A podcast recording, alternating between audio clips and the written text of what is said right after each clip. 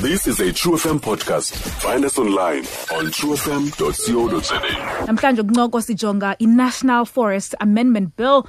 The Eastern Cape Provincial Legislature invites interested parties to make written submissions on the following three bills that were referred by the National Council of Provinces NCOP and the one bill that has been made by the institution.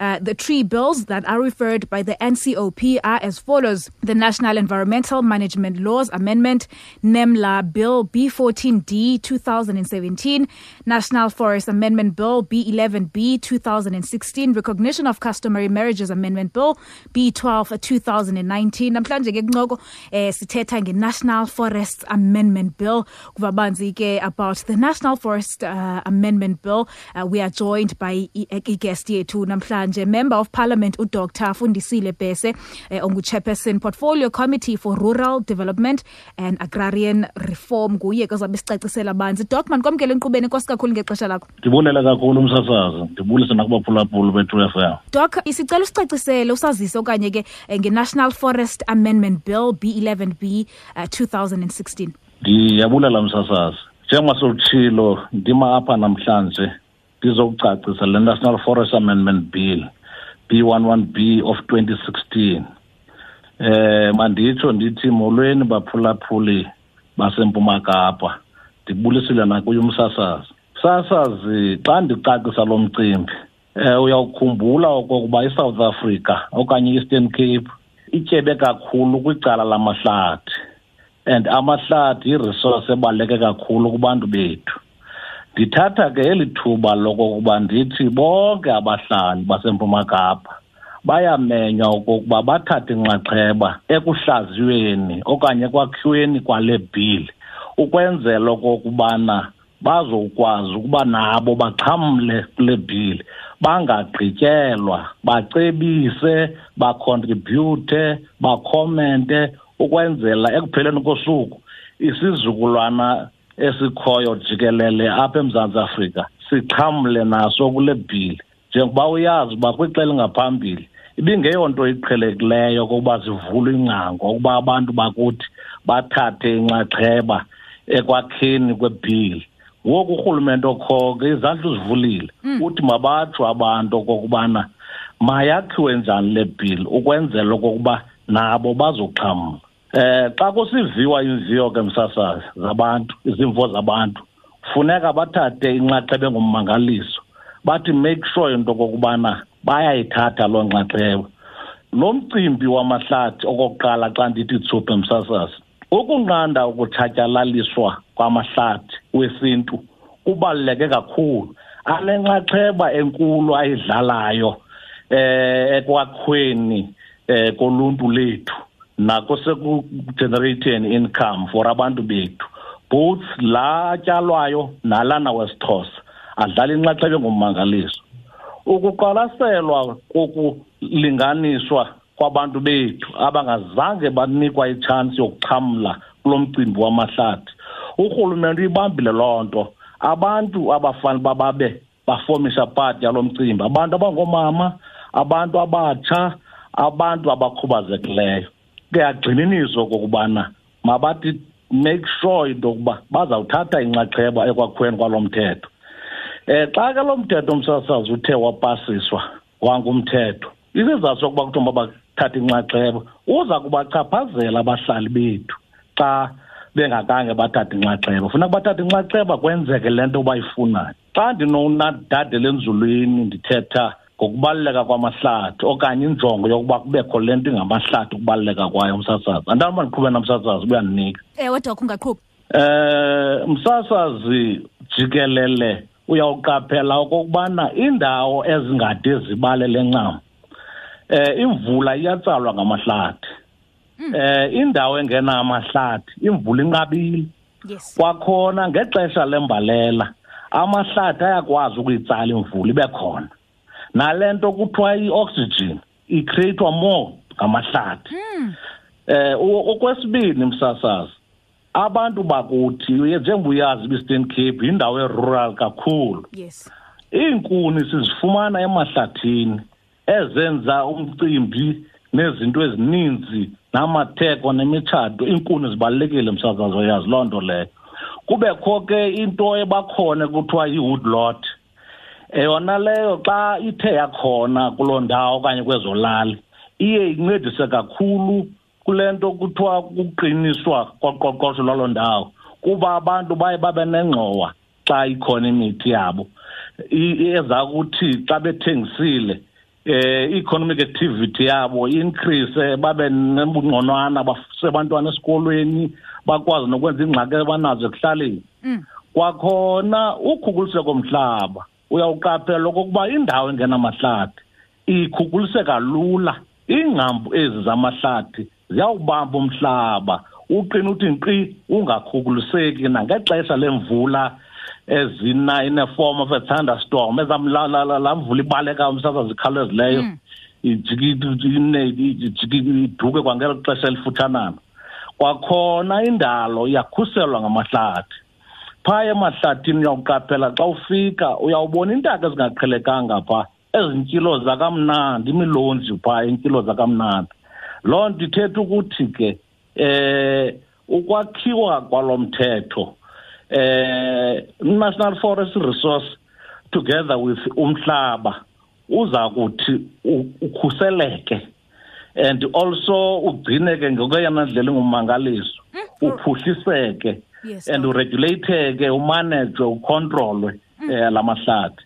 Ndingaqhawulanga ke dok ndifuna siye entengisweni nje kancinci xa sibuyayo ke Okay. sawuphinda si- sibuye siqhubekeke. Dok mandiphinde ndibuyele kuwe mhlawumbi ithini inkqubo eza kulandelwa luluntu um ukuzisa izimvo zalo ngalo mthetho? And bangayifumana phi mhlawumbi ikopi yalo mthetho uyilwayo? Um msasazi okokuqala kuzawubakho izinto kuthiwa zii-public hearings. Eh kuza kuyiwa kwiindawo ezinabantu njengoko kusazi okokubana ukudibanisa abantu kweli xesha kunzima kakhulu kweli xesha lecovid kuzawukreyithwa eza nto kuthiwa zii-virtuals kukhangelwe iindawo ezinabantu especially ezi ndawo zinamakomkhulu ezi ndawo zinoomasipala. Kuthiwa make sure abantu bayakwazi ukucommunicata eh nabantu abazabe beqhuba lo mthetho.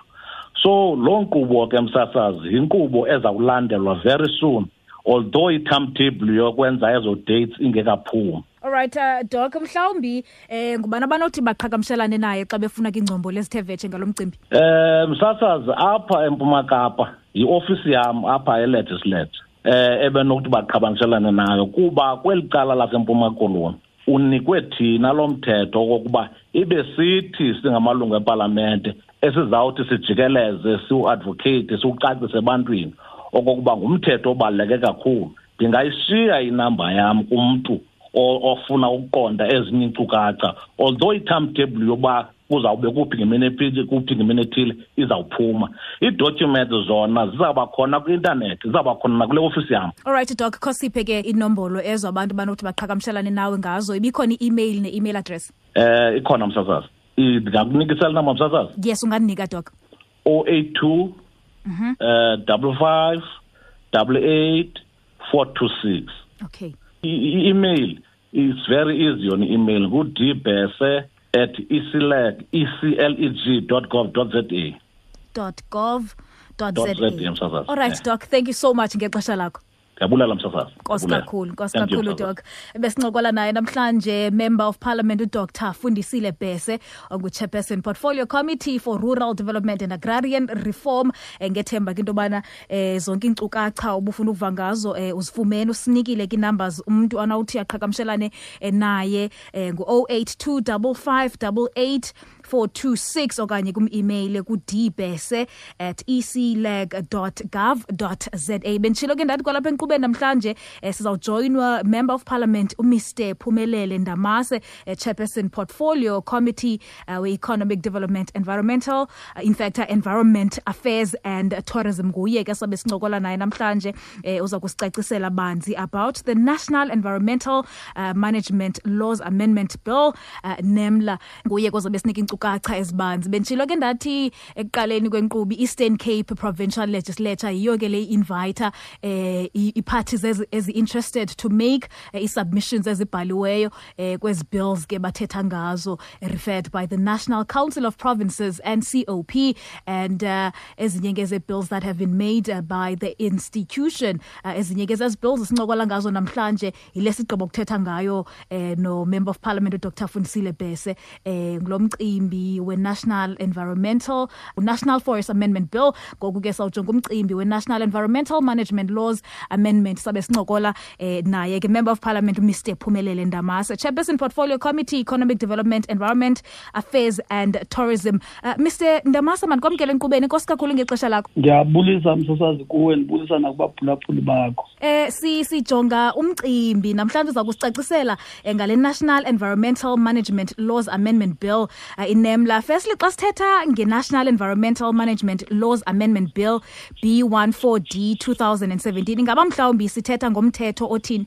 Sithetha msasazi ngomthetho o-amenda imithetho eliqela kodwa ungqiyame ngowona mthetho endizawubiza ngokuba ndithi ngumthi wale mithetho ejongene ngokusingqongileyo i-national environmental management act. Inawo ke amasebe ayo ajongene nezintlu ngezintlu apha koku kusingqongileyo uba ujonge umoya i-air uba ujonge ukuhlala jikelele malunga nezityalo kwakunye kwakunye nezilwanyana. Le nto kuthiwa i-biodiversity uba kwakhona ujongene namanxweme i-coast uba kwakhona ujongene nezindawo ezikhuseleyo ekuthiwa zii-protected areas. Kwakunye noko singasakudingiyo le nto kuthiwa yi-waste. Kunemithetho ke ejongene ncakasana nezo zindlu endithetha ngazo. Ezimalunga nokusingqongileyo. Mhlawumbi lubaluleke kangakanani uh, uluvo lwabantu jikelele kwezi kwezi matters uh, ugqiba ukuzicacisa ngaphezulu? Lubaluleke kakhulu uluvo lwabantu msasazi kuba zonke ezi zinto ndizibizayo akekho umntu ezingamchaphazeliyo. Uba uthetha ngomoya umoya usichaphazela sonke ubuthetha nge-biodiversity iyasichaphazela ubuthetha nge-protected areas. Nangona ke uchaphazela lonke uluntu ukwachaphazela nezi-stakeholders ezithile ezithatha inxaxheba ezinye ezishishinayo kwakuzo zonke izinto ezidibanise nokusingqongileyo ingaba mhlawumbi iyafana indlela yokufaka izimvo uh, zakho xa usisiqu okanye ke mhlawumbi naxa umele umbutho othile? Msasazi umahluko nje uba kuthi ngokunxibelelana nawo xa usisiqu uzawufaka izimvo zakho sithetha nawe kumaziko afana nani aba ukwenzela into yoba siyofikelela kwindlebe zoluntu. Kodwa xa sithetha nezintlu ezi-organized siyawazibhalela ii-stakeholders njengoba sesiqalile ukwenza loo nto sizawuyoyigqiba ngolwesihlanu loo ndithetha ngayo ukwenzela into yoba kungabikho stakeholders esinenxaxheba ekufuneka siyidlalile kolu hlengahlengiso olwenziwayo lwalo mthetho kufuneka sishiyekile. Kodwa emva koba kwenzeke konke oko ezo zimvo sizawuziqokolela sihlale sibe yintlanganiso siyikomiti sizijonga kodwa zonke ezi zimvo zivela kwiziqu nezimvo ezivela kwizi-organized stakeholders zethu ukwenzela into yoba zenze le nto sizawuthi thina njengepalamente yasempuma koloni kolu hlengahlengiso lwalo mthetho sibona ngolu hlobo sizawube sikhokelwa ke zezo zimvo zabe zifakiwe luluntu zifakwe zizindlu. Let's pay some bills xa sibuyayo. Sawuphinda siqhubekeke ke nodliwanondlebe lwethu naye mandiphinde ndibuyele kuwe mr ndamase. Mhlawumbi eh, ithini inkqubo eza kulandelwa luluntu ukuzisa ke izimvo zalo ngale mithetho yilwayo? Mhlawumbi ikopi bangayifumana phi yalo mthetho uyilwayo? Enkosi kakhulu umsasazi sesiqalile ukuzibhalela izindlu kwaye silapha ngoku apha kuni. Oqala umntu ekufuneka beyibambile inambari yakhe ngucoordinator lo wekomiti ekuthiwa ngumakabongwe tyiwani o-email address yakhe ke ingu-m tyiwani at ecleg gov za ukwanayo ke ne-private email yakhe engumakabongwe t ligama elinye elo at gmail dot com. Inambari yakhe ngu-zero seven nine four nine six six four nine zero. Kufanele kuba ngayo yonke into abayidingayo abantu banxulumane nayo. Okwesibini msasazi njengoba silapha kweli ziko lenu namhlanje ngomhla wesixhenxe nge-seven leka-august kule veki zayo sizawube sibambe i-public hearing ke siyibambe ngeplatform engu-virtual kuba asikwazi udibana nabantu kuba kaloku kukhona lo mbulalazwe esijongene nawo oyi-covid-19 sizawube sinaloo public hearing ke siyiqhuba kule platform sidibana nabo abantu kwi-public hearing esizabe siyiqhuba phakathi ko-ten ukuyotsho ngo-two leveki zayo ngolwesihlanu on the 7th of august. Zithini Mr Ndamase? In fact ndifuna eh, singene kumcimbi wamasolotya lomthetho uyilwayo mhlawumbe ongozelelweyo okanye eh, asusiwe ngawaphi? Ndizawukha phezulu ke msasazi uba ungasaphandle uba ndingangena nzulu. Okay. okokuqala masiye kulaa mthetho bendisithi nguwo ongumthi inima. National environmental management act ka-1998 ezinye zezinto ezenziwayo phaa ukudilishana nee-definitions kuba ngamanye amaxesha le nto kuthiwa kukuyitolika igama.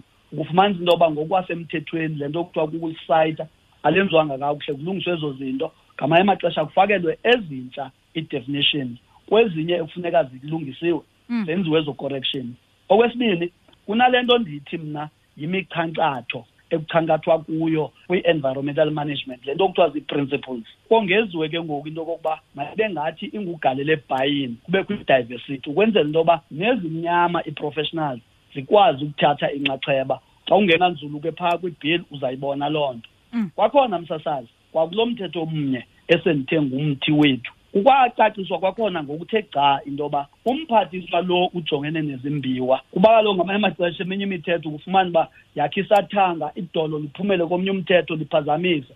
Ngoku lo uzama ukucacisa into yokokuba le nto kuthiwa yi-exploration uphandonzulu kwakunye nokumbiwa kwakunye nokuveliswa kwizinto ezingaphantsi komhlaba lilungelo lomphathiswa lo ujongene nezimbiwa we-mineral resources. Kwakhona msasazi in- iyacacisa kwakulo mthetho kwakwesi sihlomelo into yokokuba ngamanye amaxesha kubakho amagunya anikwayo u-mec umember of the executive council lo wephondo ke kuthi. Kodwa ke ngokwesivumelwano esenziweyo ngokucaciswa phaa kwi-amendment kunye nomphathiswa. Enye into entsha msasazi yinto yokokuba i-environment le ikhe ibe damaged ufumanisa uba yoniwe okanye yonakalisiwe kwasithi bekukho ke ilungelo ebelinikwa kakhulu le nto yokukhathalela kwakunye nokunyama. Andiphazami msasazi i mean remediation ye-environmental damage. Ibinikwa ke u- umlawulo intloko wesebe phaa phezulu udi- udirector general bobabini la masebe sendithethe ngawo. Eli lijongene ne-environment